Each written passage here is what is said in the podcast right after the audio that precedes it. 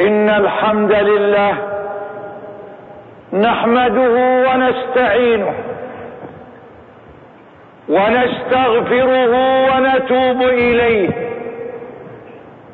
ونعوذ به من شرور أنفسنا ومن سيئات أعمالنا من يهده الله فلا مضل له ومن يضلل فلا هادي له. وأشهد أن لا إله إلا الله وحده لا شريك له. وأشهد أن محمدا عبده ورسوله صلى الله عليه وعلى آله وصحبه وسلم تسليما كثيرا إلى يوم الدين. أما بعد فيا أيها الناس اتقوا الله تعالى حق التقوى. عباد الله من حكمة الرب جل وعلا تفاوت الخلق في أحوالهم كلها. فبين الخلق تفاوت في الإيمان والكفر. هو الذي خلقكم فمنكم كافر ومنكم مؤمن. تفاوتهم في العلم وضده. قل هل يستوي الذين يعلمون والذين لا يعلمون؟ إنما يتذكر أولو الألباب. تفاوتهم في أخلاقهم. في الحديث إن الله قسم بينكم أخلاقكم كما قسم بينكم أرزاقكم. تفاوتهم في أرزاقهم. فمنهم الغني ومنهم الفقير ومنهم من بين ذلك. قل إن ربي يبسط الرزق لمن يشاء ويقدر ولكن أكثر الناس لا يعلمون. أخي المسلم كل هذا التفاوت دليل على كمال حكمة الرب. وكمال علمه وقدرته وكمال حكمته. ألا يعلم من خلق وهو اللطيف الخبير.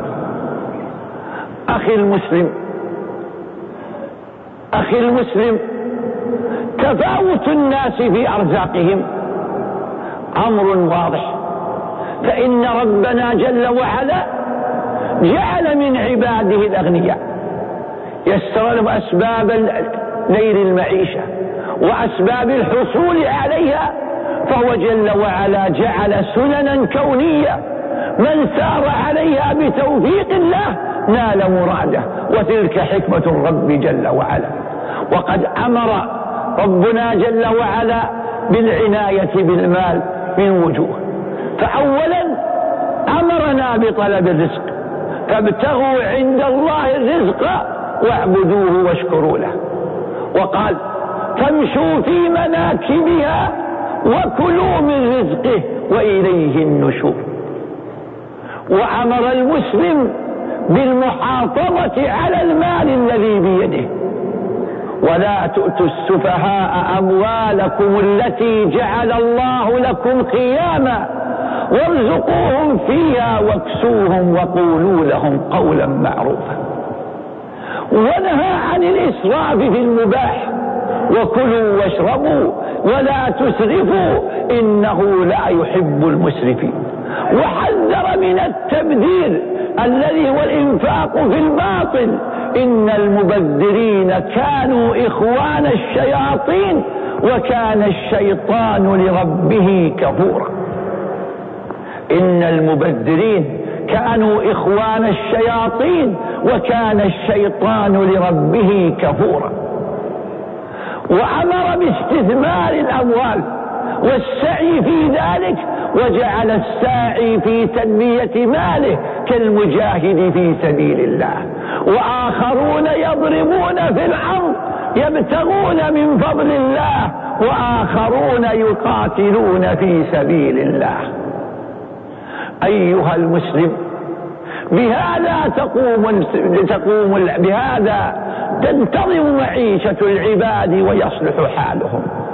أيها المسلم إن هناك قضية حاضرة. ألا وما ألا وهي ما يسمى بقضية الفقر والحاجة. فللخلق في علاج هذه القضية طرق مختلفة.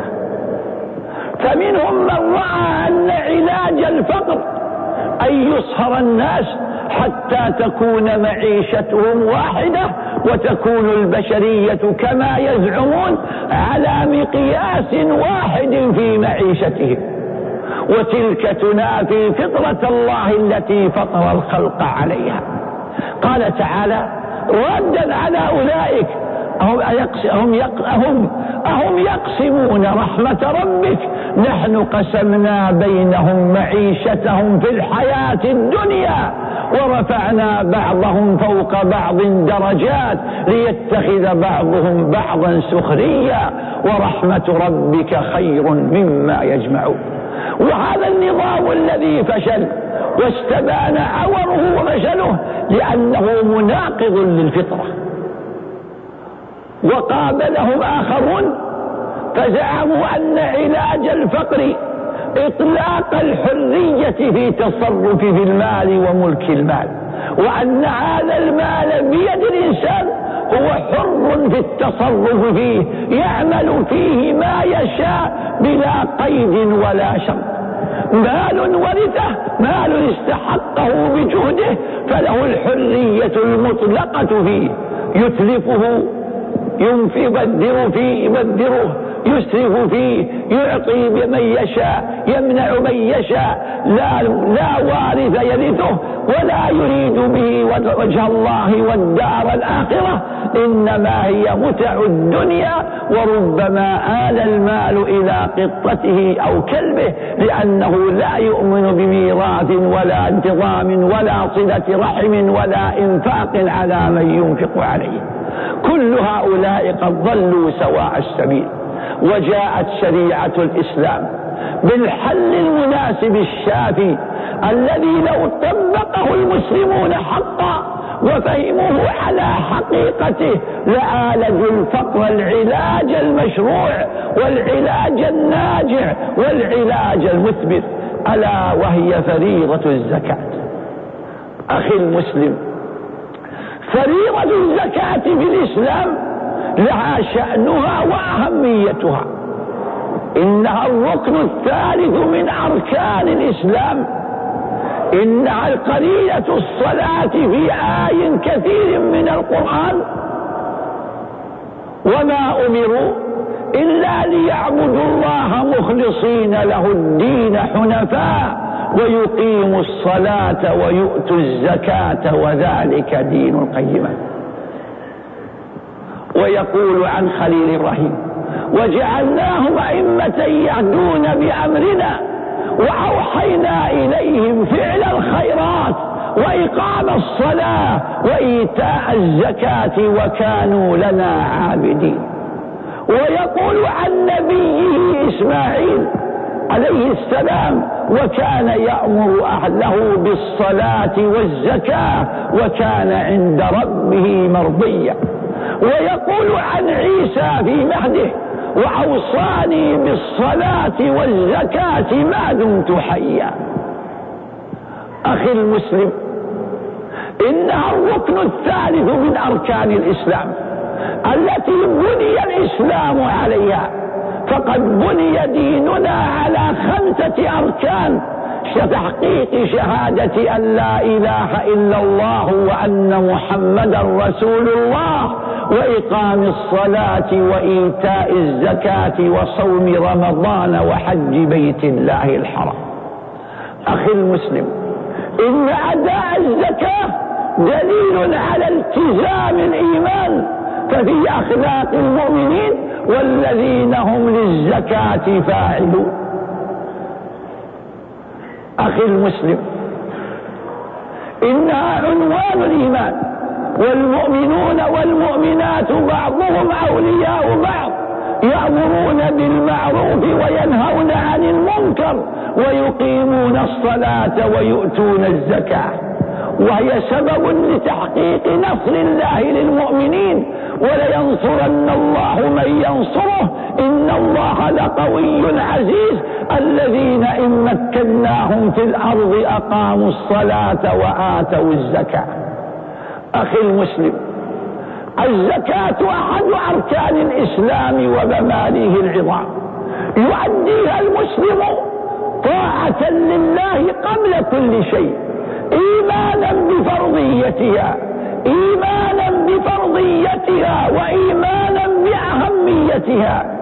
يؤديها المسلم طيبة بذلك نفسه ليقوى إيمانه. إن يقوى إيمانه ودليل على الالتزام الحق يقول صلى الله عليه وسلم والصدقة برهان. وهي تطفئ غضب الرب في الحديث وإن الصدقة تطفئ غضب الرب كما يطفئ الماء النار أيها المسلم ليست الزكاة منك تفضلا وإحسانا. ولكنها حق أوجبه الله في مالك تؤديه طيبة بذلك نفسك لترحم المحتاجين وتواسي المنكوبين وتفرج هم المهمومين. ومن فرج عن مسلم كربة من كرب الدنيا فرج الله عنه كربة من كرب يوم القيامة. أيها المسلم بأداء الزكاة تلتقي القلوب وتتآلف النفوس. إن أداء إن إخراج الزكاة على الوجه المرضي سبب سبب لاستتباب الأمن واستقرار الأحوال وسلامة القلوب وتعاون الأمة بعضها مع بعض. فالزكاة إذا أديت أمن المجتمع من التصدع والتفكك فإن الفقراء إذا رأوا تلك الأموال بيد أهلها وما نالهم منها شيء فالقلوب ستمتلئ حقدا. فإذا أعطوا من ذلك المال ما يكفيهم سكنت النفوس واطمأنت القلوب وتعاون الجميع على الخير. إنها نظام إسلامي يكفل للمجتمع الأمن والاستقرار والطمأنينة وانتظام الأحوال. أيها المسلم إن علاج الفقر إنما هو بهذه الزكاة المفروضة ثم بالصدقات المشروعة زيادة على الفرض لمن من الله عليه وأعانه أخي المسلم إنك عندما تؤدي زكاتك انظر لا تنظر إلى مقدار ما تخرج ولكن انظر إلى المال الذي خولك الله إياه.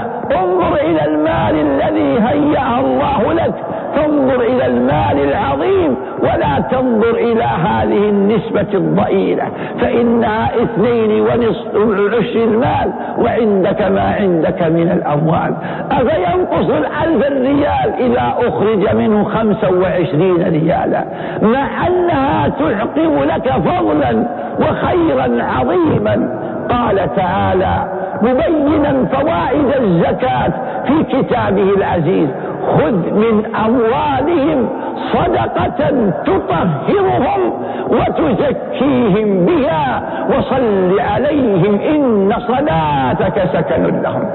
قف معي قليلا أخي المسلم لنتأمل هذه الآية العظيمة. خذ من أموالهم صدقة تطهرهم وتزكيهم بها. نعم إنها طهرة للقلب من داء الشح والبخل.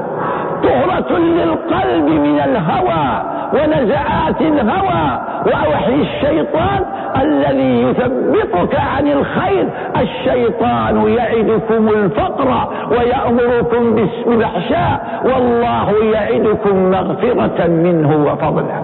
إنه يثقلها في نفسك ويقول لك كيف تعطي أموالك الآخرين؟ هي شبهة المشركين كما قال الله. وإذا قيل لهم أنفقوا مما رزقكم الله قال الذين كفروا للذين آمنوا أنطعم من لو يشاء الله أن يطعمه. أخي المسلم إنها طهارة لقلبك من داء الشح والبخل وطهارة لمالك من أدناسه فمال لا يزكى أوساخه لا تزال راسبة فيه. وإنها لزكاة تنمي هذا المال وتزيده بركة وما نقصت صدقة من مال بل تزده بل تزده. وإنها لزكاة لنفسك وراحة لقلبك وطمأنينة وانشراح صدر عندما تؤدي ما أوجب الله عليك فتحفظ بذلك مالك وفي الأثر وما هلك مال في بر ولا بحر إلا بمنع الزكاة. أيها المسلم أوجب الله هذه الزكاة بشرط أن يبلغ المال نصابا وأوجبها بعد مضي سنة إلا في الخارج من الأرض وربح التجارة. أوجبها الله في أصناف من الأموال فأوجبها في بهيمة الأنعام من الإبل والبقر والغنم ونصاب الغنم أربعون أوله ونصاب البقر ثلاثون أوله ونصاب الإبل خمس يخرج منها غنم وخمس وعشرون من جنس الإبل. وأوجبها الله وأوجبها الله في الخارج من الأرض من الحبوب والثمار وآتوا حقه يوم حصاده. يا أيها الذين آمنوا أنفقوا من طيبات ما كسبتم ومما أخرجنا لكم من الأرض. إذا بلغت نصابا خمسة أوسق وأوجبها في النقدين الذهب والفضة إذا بلغت الفضة أو الذهب أو الأوراق النقدية التي حلت محل هذين الصنفين إذا بلغ الكل نصابا فإن الله أوجب الزكاة. في النقدين الذهب والفضة والأوراق والورق والأوراق النقدية التي قامت مقامها فإنها تؤدى الزكاة منها.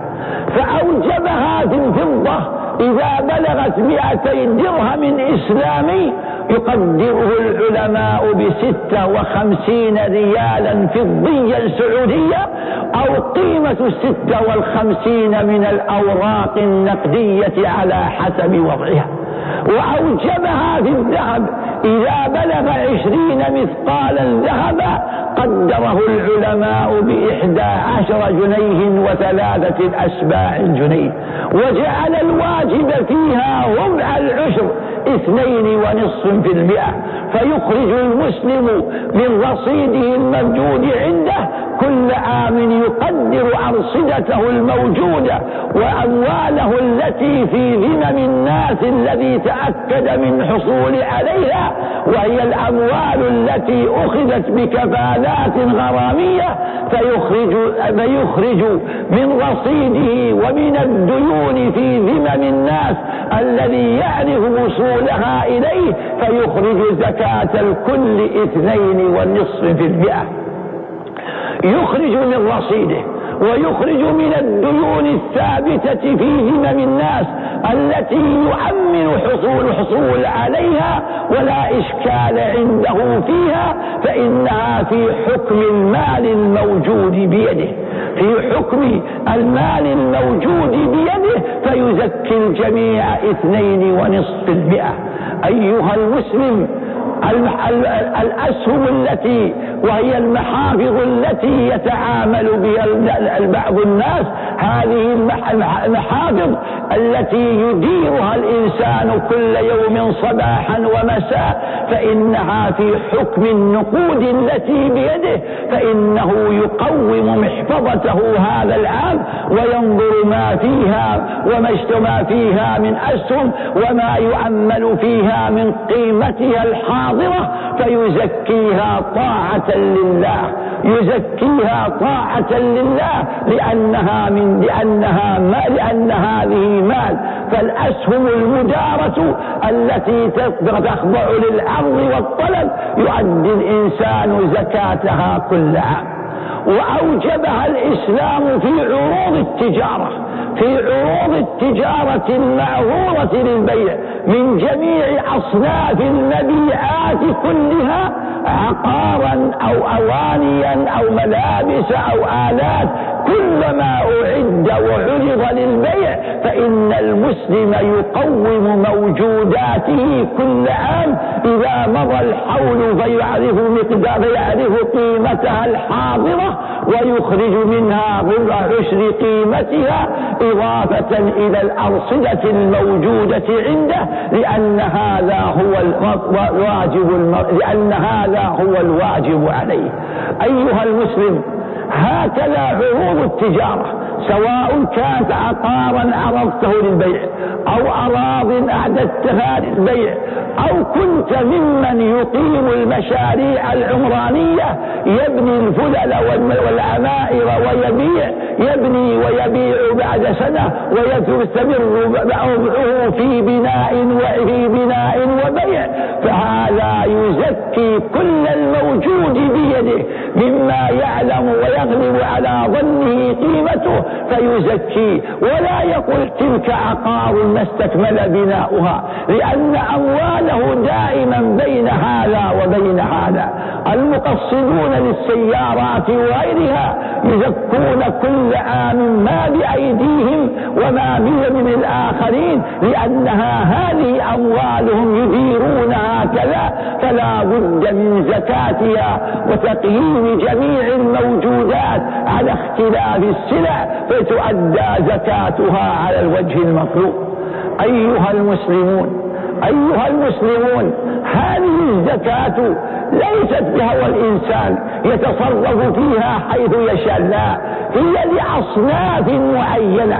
ذكرهم الله ذكرهم الله في كتابه العزيز إنما الصدقات للفقراء والمساكين والعاملين عليها والمؤلفة قلوبهم وفي الرقاب والغارمين وفي سبيل الله وابن السبيل فريضة من الله والله عليم حكيم. فيعطي المسلم الفقير الذي لا يجد ما يكفيه أو قد يجد بعض الكفاية يعطيه إن كان يعرف حاله ما يؤمنه ويعينه على تحمل أعباء الحياة. يعطيه ولو كان له دخل.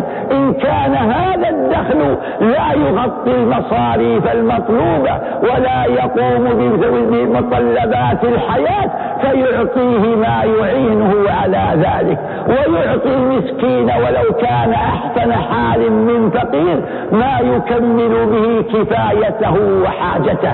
يعطي الفقراء والمساكين الذين تأكد حالهم وعلم أنهم فقراء ومسانهم فقراء وأنهم مساكين بما يغلب على الظن وبما يشاهده أو تزكية من يعلم حالهم.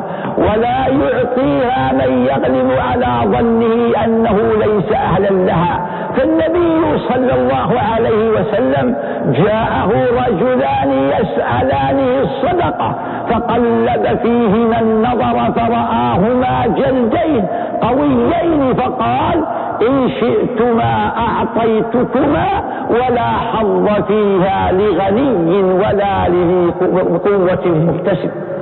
أيها المسلم فمن سألها وهو ليس أهلا لها فلا تعطه وحذره وبين له قول النبي صلى الله عليه وسلم من سأل الناس أموالهم تكثرا جاء يوم القيامة وليس في وجهه مسعة لحم.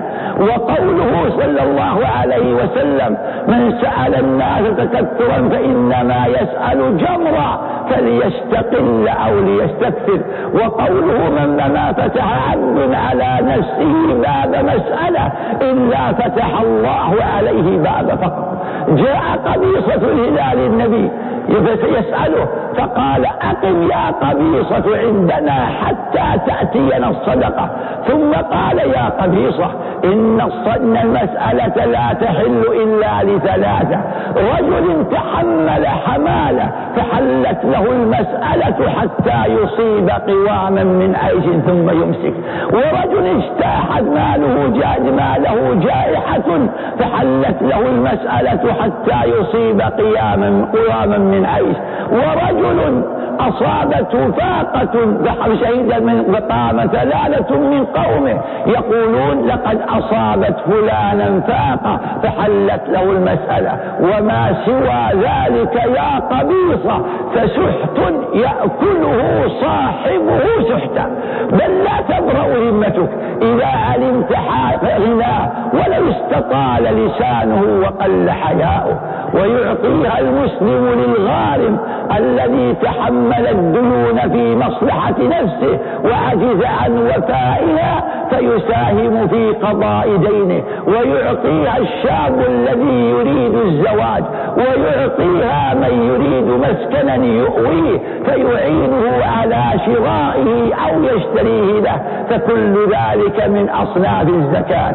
ويعطيها ابن السبيل الذي انقطع به الطريق فلا يستطيع الوصول ويسقيها السبيل للمجاهدين في سبيل الله وتفك بها الرقاب ويعطى العاملين الذين كله لجلب زكاة. أيها المسلم فلنتق الله في زكاة أموالنا ولنتق الله في حسابها ولنتق الله في إيصالها لمستحقيها ولنتق الله في ذلك فإن الله سائلنا عنها وإن تجاهلنا حسابها لكن الله سائلنا عنها فلنتق الله في الحساب والتدقيق ولنتق الله في الإيصال إلى المستحقين. أيها المسلم أيها المسلم فاتق الله في زكاة مالك. وعدها كما أمرك الله. واشكر الله على نعمته وإعانته عليك. واسأل الله القبول. أسأل الله لي ولكم القبول العمل. وأن يجعل عملنا صالحا ولوجهه خالصا. بارك الله لي ولكم في القرآن العظيم. ونفعني وإياكم بما فيه من الآيات والذكر الحكيم. أقول قولي هذا وأستغفر الله العظيم الجليل لي ولكم ولسائر المسلمين من كل ذنب فاستغفروه وتوبوا إليه إنه هو الغفور الرحيم. الحمد لله. حمدا كثيرا طيبا مباركا فيه كما يحب ربنا ويرضى. وأشهد أن لا إله إلا الله وحده لا شريك له وأشهد أن محمدا عبده ورسوله صلى الله عليه وعلى آله وصحبه وسلم تسليما كثيرا إلى يوم الدين. أما بعد أيها الناس اتقوا الله تعالى حق التقوى. عباد الله الزكاة نعمة من الله والزكاة حق لله وإخراجها وإعانتك على الإخراج نعمة أنعم الله بها عليك. فاتق الله فيها.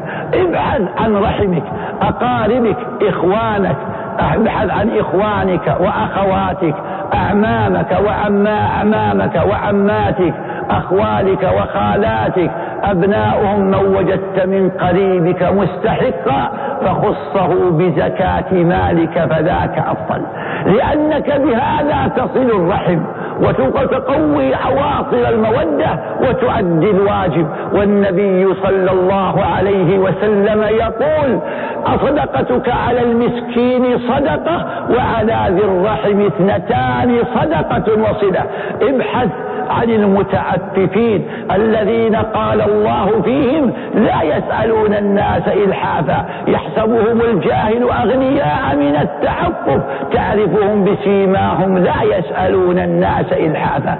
ابحث عن هؤلاء العوائل المستترين الذين لا يخرجون أمام الناس ولا يزاحمون الناس ولا تمتد ألسنتهم بالكلام. كما يقول صلى الله عليه وسلم ليس المسكين الذي ترده اللقمة واللقمتان.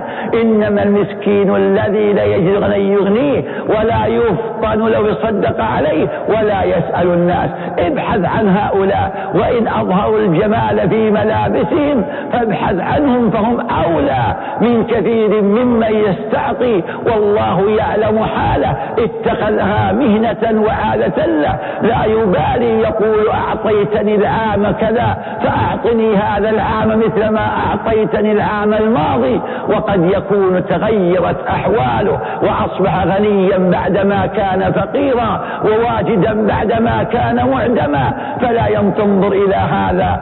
انظر إليها أنها أمانة ومسؤولية أمام الله فتعين ذا الدين على قضاء دينه وذو العيال على تحمل همومهم وإيجار مسكنهم أو تسديد بعض الفواتير عنهم وإذا علمت أن الفقير أخرق لا يستطيع التصرف فاشتريت له بالزكاة بقيمة الزكاة متطلبات حياته فأرجو أن يكون ذلك إن شاء الله مجزئا. ولا تسقط الدين عن الفقير وتعتبره من الزكاة لأن هذا الدين لا يمكن أن يكون عوضا عن الزكاة لأن الزكاة فيها إخراج وهذا أمر لم تخرجه فلا تجعل الدين وسيلة لإسقاطه وتحسبه من الزكاة اتقوا الله بأموالكم وأدوها كما أمركم بذلك ربكم واشكروا الله على عونه وتوفيقه وإغنائه فإن الله يحب من عباده أن يشكروه. وإذ تأذن ربكم لئن شكرتم لأزيدنكم ولئن كفرتم إن عذابي لشديد. قول معروف ومغفرة خير من صدقة يتبعها أذى. إياك أن تمن بها إياك أن تذكرها للناس إياك أن تذل الفقير أعطه واجعله عزيز النفس وحاول إن كان ممن يتستر ولا يحب أن يطلع عليه أن تجعل ما تعطيه بينك وبينه سرا شاكرا لله على نعمته قاصدا وجه الله تريد رحمة الله والله والنبي يقول ارحموا من في الأرض يرحمكم من في السماء ارحم الراحمون يرحمهم الرحمن من لا يرحم لا يرحم. وصلوا رحمكم الله على عبد الله ورسوله محمد امتثالا لأمر ربكم. قال تعالى إن الله وملائكته يصلون على النبي. يا أيها الذين آمنوا صلوا عليه وسلموا تسليما. اللهم صل وسلم وبارك على عبدك ورسولك محمد. وارض اللهم عن خلفائه الراشدين الأئمة المهديين أبي بكر وعمر وعثمان وعلي وعن سائر أصحاب نبيك أجمعين وعن التابعين لهم بإحسان إلى يوم الدين وعنا معهم بعفوك وكرمك وجودك وإحسانك يا أرحم الراحمين. اللهم أعز الإسلام والمسلمين وأذل الشرك والمشركين ودمر أعداء الدين وانصر عبادك الموحدين واجعل اللهم هذا البلد آمنا مطمئنا وسائر بلاد المسلمين يا رب العالمين. اللهم آمنا في أوطاننا وأصلح أئمتنا وولاة أمرنا. اللهم وفقهم لما فيه صلاح الإسلام والمسلمين.